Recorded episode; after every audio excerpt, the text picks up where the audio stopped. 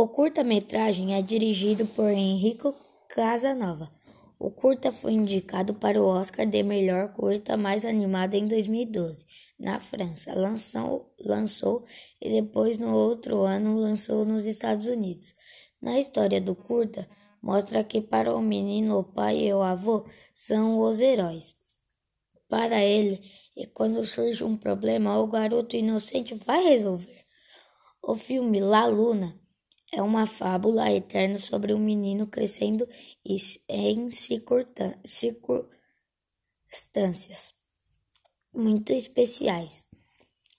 Em um curta-metragem que passa a noite, é a primeira vez que o menino acompanha seu pai e seu avô no trabalho. Os três vão pelo mar borde, bordo de um bote de madeira.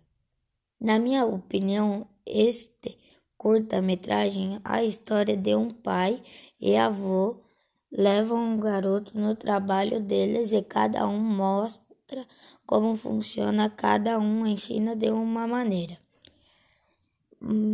Mas em meio à, confus confusão dos dois cai uma estrela gigante e os dois tentam resolver o problema e não conseguem. Não consegue.